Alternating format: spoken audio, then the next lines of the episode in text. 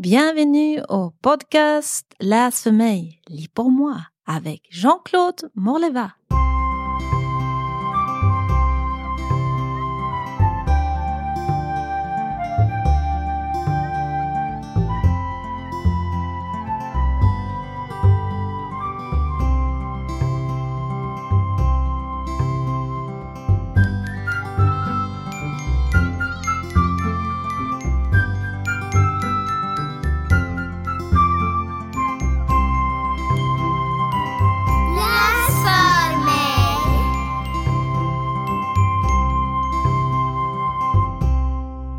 Bonsoir et bienvenue Jean-Claude Morleva.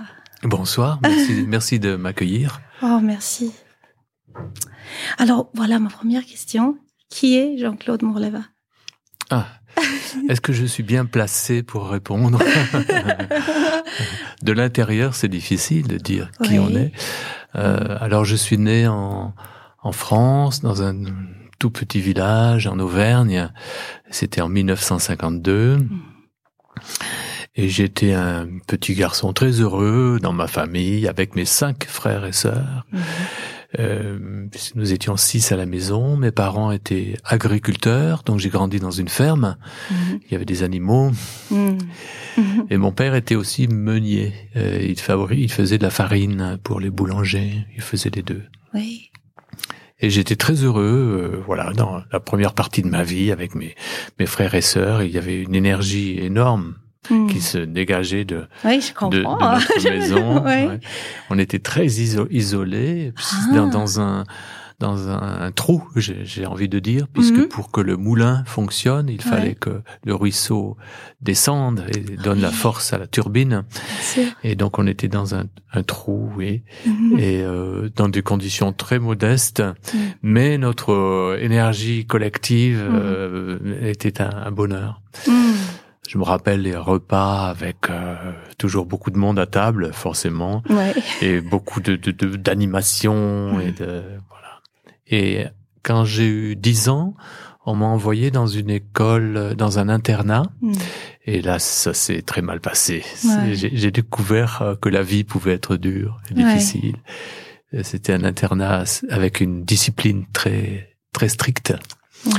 Et euh, voilà, j'étais j'étais bien bien malheureux. Mais j'y ai passé euh, quand même huit ans. Huit ans. Oui oui oui. Oh, c'est incroyable.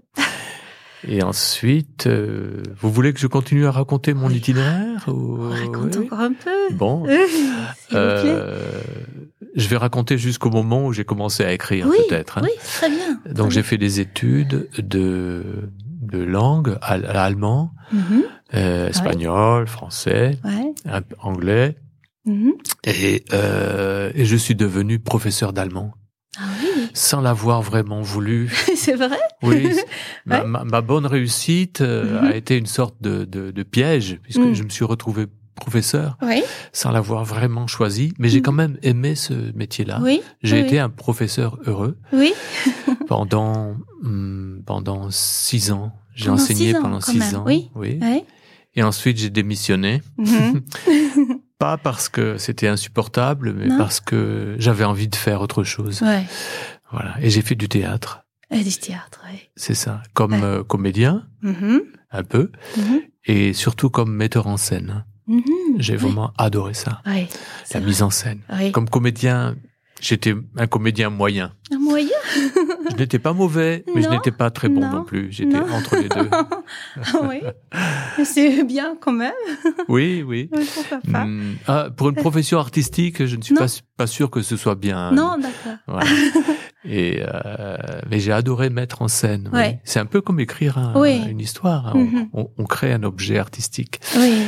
Voilà. Et puis en 1996, c'est ça, mm. euh, un ami comédien m'a demandé d'écrire pour lui des textes courts euh, pour euh, pour qu'il les dise sur la scène mm. au théâtre. Ah. Je l'ai fait et trois de ces cinq textes euh, ont été publiés. Alors que ça n'était pas mon, mon, but ni mon objectif. C'était vraiment une bonne surprise. Ouais. Et, et ensuite, euh, j'ai a commencé pour moi la merveilleuse aventure de l'écriture. Mais j'avais déjà 40 ans. Hein, ah oui. Et euh, qui a fait que j'ai eu une vie avant et une vie après. Ma vie a basculé quand j'ai commencé à écrire. C'est quand même formidable. Oui. Oui, ça donne de l'espoir, je pense. Absolument. Nous sommes arrivés à un point que nous appelons un souvenir de la langue. Euh, Raconte-nous euh, quelque chose qui vous a frappé dans votre vie, qui est en relation avec la langue ou la littérature.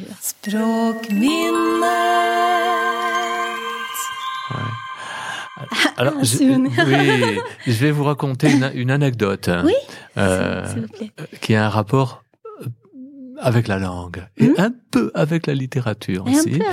J'étais j'étais enfant, donc j'avais peut-être euh, 8 ans. Oui. Et j'allais à l'école communale de, de mon village à Mhm. pied tous les matins. Et parfois, la, la, la maîtresse, la professeure, nous demandait d'écrire euh, des petits textes. Oui.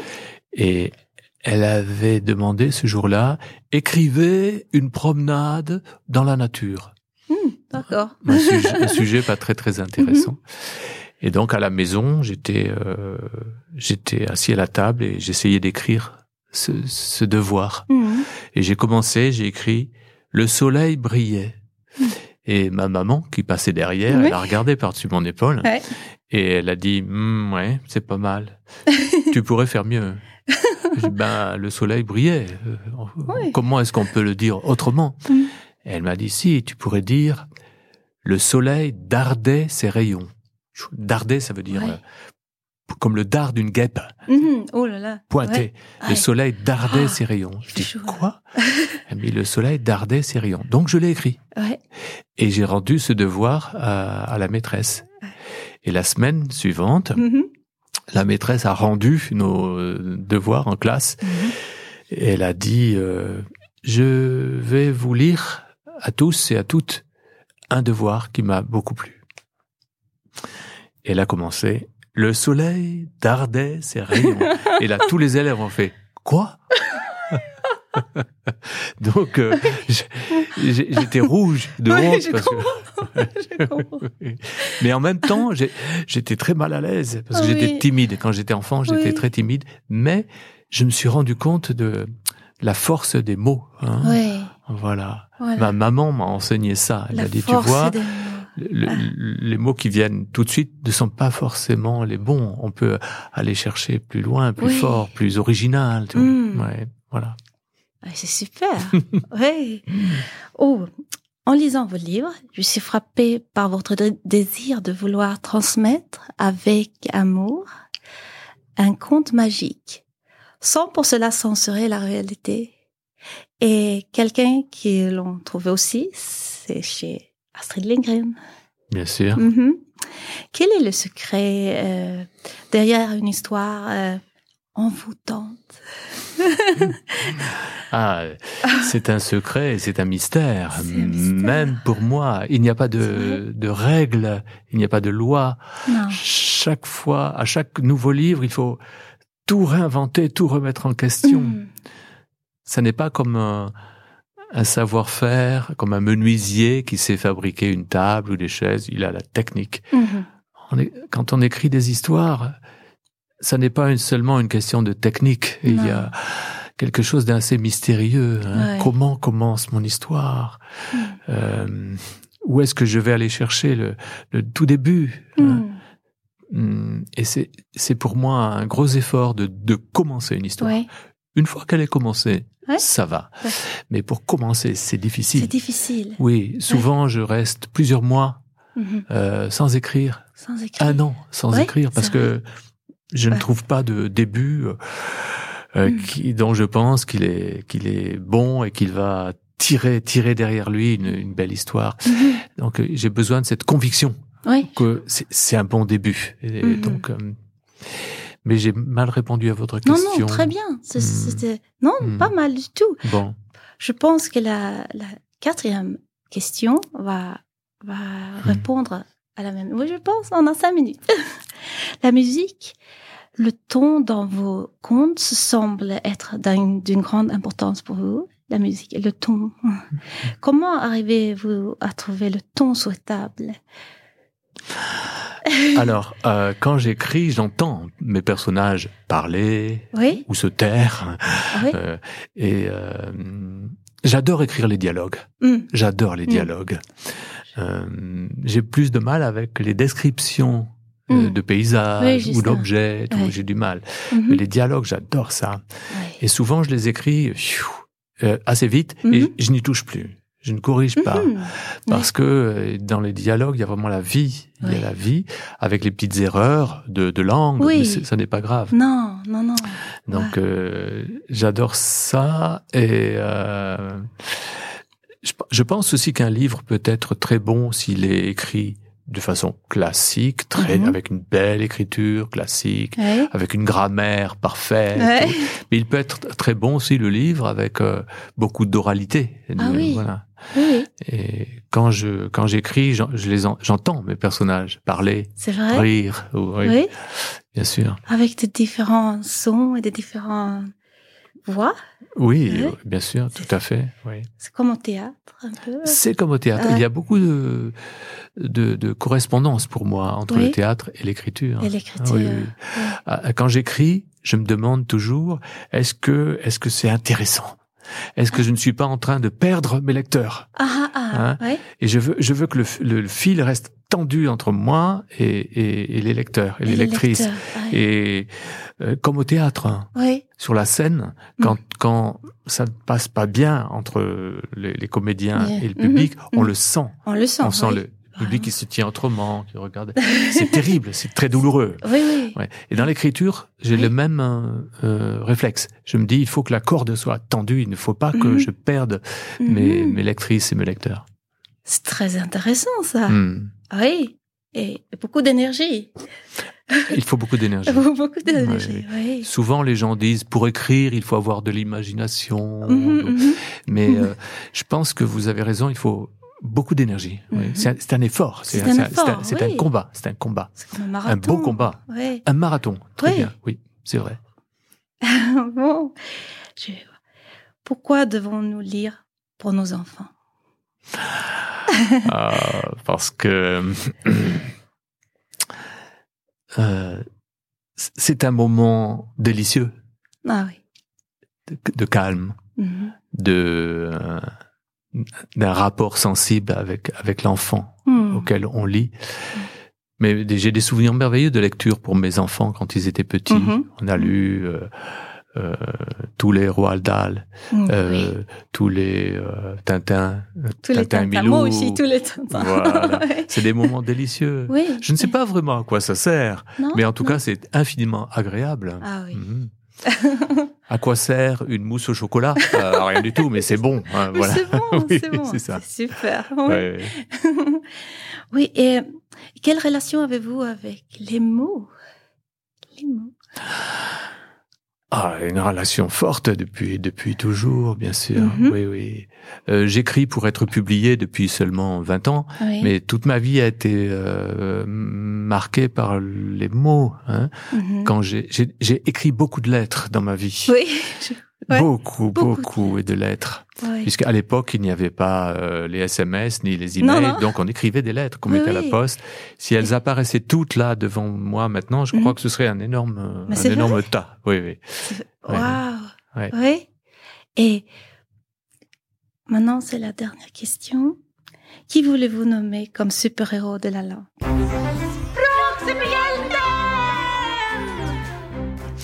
Ah, alors, euh, mon, mon, grand frère de littérature, c'est Franz Kafka. Ah, voilà. oui. Oui, que je peux lire en allemand, mhm. puisque en français aussi, mais je préfère le lire en allemand. Et pour moi, c'est comme voilà mon grand frère de littérature. Euh, euh, je l'adore. Ces trois romans, Le Château, l'Amérique et le Procès. Mhm. oui, Je les lis et je les relis parce qu'il a consacré sa vie à l'écriture. Ouais il est, il s'est, il s'est voué à l'écriture, cet mm. homme. Et je trouve mm. ça admirable. Mm-hmm. Et euh, il est mort très jeune, à 40 ans. il y a quelque chose chez lui qui me fascine.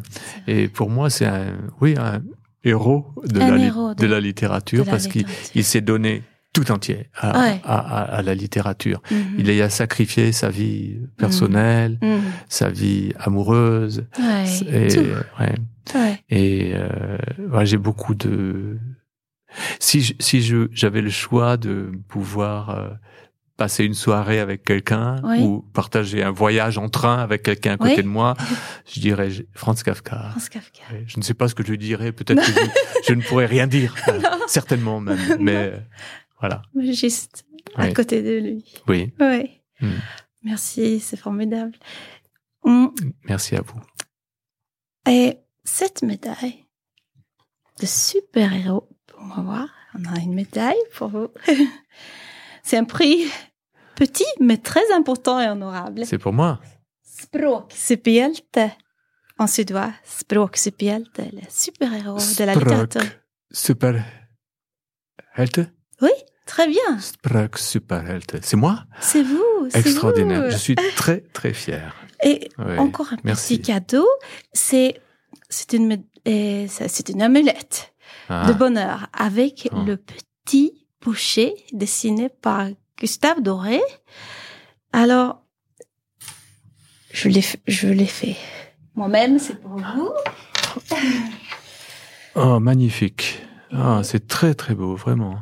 Et c'est une amulette qui apporte le bonheur. Oui. Mais je suis, euh, je suis déjà heureux. Oh, mais encore, encore plus. Encore plus, encore plus. Oui, oui, bien sûr. Magnifique. Ah bah, c'est vraiment très gentil. Et, si je suis très touché. Oui, si vous euh, entendez une histoire, euh, voilà, vous, prenez ce.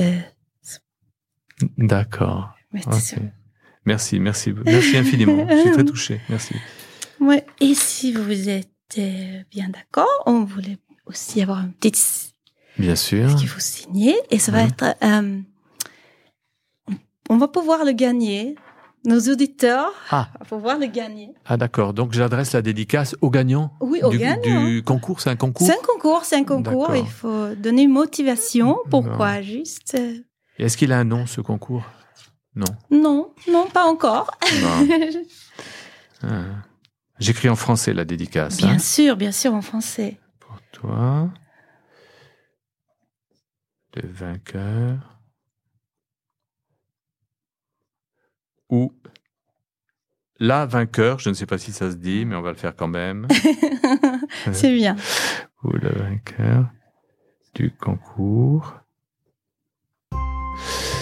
avec mon amitié et celle de Jefferson. Ah oui, super. Voilà, et nous sommes le 24 septembre 2021. Hmm. Voilà. Merci beaucoup.